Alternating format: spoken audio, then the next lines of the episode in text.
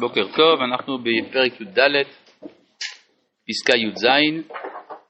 יש שני אופנים, התחלנו את זה, כן. יש שני אופנים של גדולת מדרגה. כן, יש אנשים שזוכים למדרגה גבוהה, ודיברנו על זה שיש הבחנה בין דברים שבאים מכוח המעשים או דברים שבאים מכוח הסגולה. האופן האחד מצד המעשים והתלמוד, והאופן השני מצד הכישרון והתולדה בשורש היצירה. למשל, מה שאבותיו של אדם זיכו אותו. מי שיסוד גדולת מדרגתו בא מצד התלמוד והמעשים. אין כל, מה, מאיפה המדרגה שלך הגבוהה? אה? מה, מה אתה רוצה? למדתי ועשיתי מצוות. כשיורד ממדרגתו וצריך לעלות, צריך הוא לאחוז במידות קטנות ולשוב בהדרגה. אבל מי שיסוד גדולתו הוא מצד כישרונו, בעיקר תולדתו מגדולת נשמתו, גם כשיורד ממעלתו, מצד מיניות, פנימיות או חיצוניות, צריך הוא לשוב בגדולה וחיפזון בדליגה, כעל כנפי נשרים, מבלי להתחשב עם הדרגה. זה דבר מעניין, אמרנו שיש תשובה הדרגית, יש תשובה פתאומית, ואנחנו רואים שזה גם תלוי בסוג האדם. יש אדם שהכל אצלו בא במאמץ, אז גם כשהוא יורד, העלייה היא במאמץ, לכן צריך להיות הדרגתי. אבל מי שיש לו זכות אבות, אז, אה, או שיש לו מטבע תולדתו איזושהי טהרה פנימית, הוא לא צריך להמתין, הוא מיד קופץ למדרגות הגבוהות ברגע שהוא מתקן, כמובן.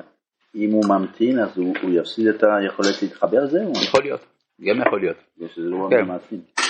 כן, אבל הוא גם אומר, יכול להיות שזה לא מצד ההפסד, אלא מצד שהוא פטור. הוא פטור מלהיות בדרגה. או זה יותר קל לו בגלל זה קנוי אצלו כאילו בדיוק. בגינים הנשמתיים. זהו. כן. זה יכול להיות שהדבר עובד רק ברגע שהוא עלה לאיזה מדרגה? מתגלה, אבל זכות אבות זה לא שואל אותך, זאת אומרת, לא שואלים את האדם האם הוא צדיק או רשע, יש לו זכות אבות כי יש לו זכות אבות. עכשיו, כל ישראל, אה, מבחינה מסוימת, יש להם זכות אבות, כולם בני אברהם, יצחק ויעקב. לפי, באופ- באופן מסוים כן. הרב מה זה זכות אבות? כמו זכות אבות זה גינים נשמתיים, מה זאת אומרת? זה לא מצד הטבע הביולוגי, כי בטבע הביולוגי אין הבדל. אמ, אלא הכוונה שהאבות זיככו, זכות זה כמובן לשון זיכוך, הם זיככו את הדרך בשבילו. למה זה עובר? לא- זה כמו, לדור. אה, כי הרבה פעמים רואים את זה גם בהתנהגות האנושית. למשל, אתה אומר לאיזה ילד, אם לא היית הבן של חבר שלי, אני מזמן הייתי מכסח אותך, נכון? יש דבר כזה? כן. אז, אז זאת אומרת שיש איזה מין אה, משוא פנים, אפשר לומר, שהוא נובע מהשייכות לאיזה משפחה, ל... לא למעשה הופך. זכות זה סוג של ירושה. זה לא אה? זו זכות של ירושה. כמו שאדם ירש כסף, אז כן. אדם ירש זכות. נכון, בדיוק. אבל זה צריך לעבוד כדי לגלות אותו. צריך לעבוד, זה נכון, אבל זה יותר קל לו. כלומר, ברגע שהוא עובד, אז הוא. כן, הרי כתוב למשל מי שעצמו תלמיד חכם, ובנו תלמיד חכם, ובן בנו תלמיד חכם, מכאן ואילך תורה מחזרת אחרי האכסניה שלה. מה פירוש הביטוי תורה מחזרת? זה יותר קל, זאת אומרת, אם, זה לא חייב שהוא יהיה תלמיד חכם, הבן הרביעי, הדור הרביעי. אבל אם הוא ירצה, זה יהיה קל עליו, זה, זה יקל עליו. אם הוא לא ירצה, אז הוא לא יהיה. כן. טוב, אה, אז מה שיש פה דליגה מעל כנפי כעל כנפי נשרים, מבלי להתחשב במדרגות. ומכל מקום, מצטרפת לזה גם כן תשובה במידות של קטנות ודקדוקים פרטיים השייכים להם, אלא שהן אינן עיקר מלאכת תשובתו, של מי ששורשו גדול ונשגב. כלומר, ברור, הוא יעשה תשובה במובן הקלאסי, וצריך לתקן מה שצריך לתקן, כמו כולם. אבל זה לא הנקודה העיקרית אצלו, אלא כערך של סניפים המצטרפים.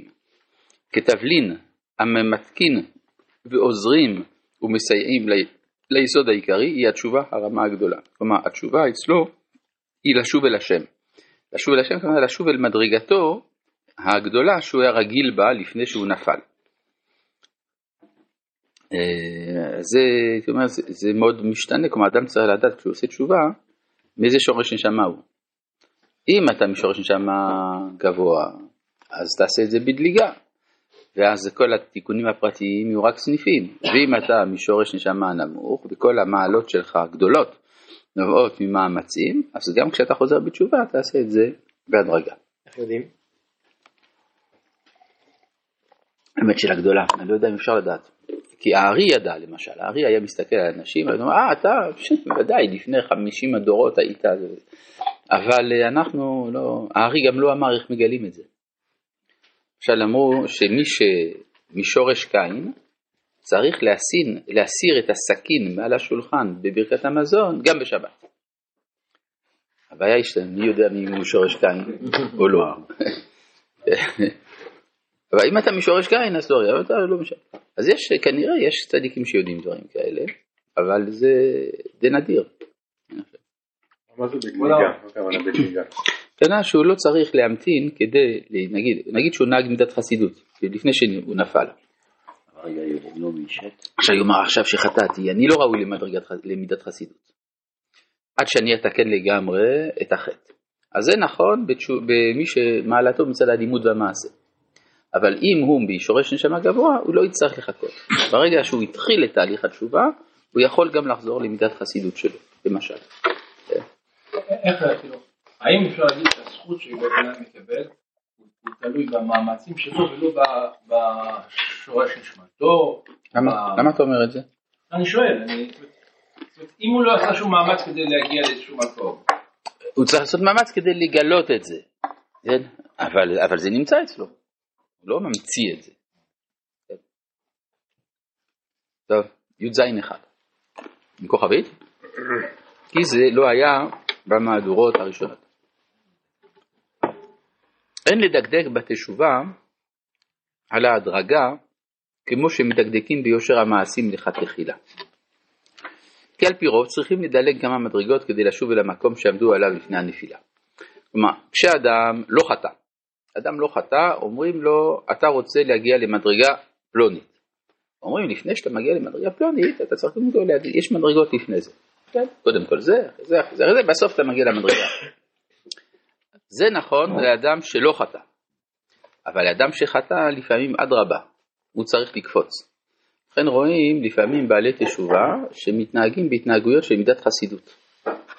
שלכאורה אתה שואל את עצמך, רגע, אתה בקושי יודע ללמוד, אז מה אתה פתאום... אה, הוא לא היה זה לפני. כן, לא, מה? הוא לא היה במילה הזאת לפני. כן, הוא אף פעם לא היה שם, אז למה הוא קופץ לשם?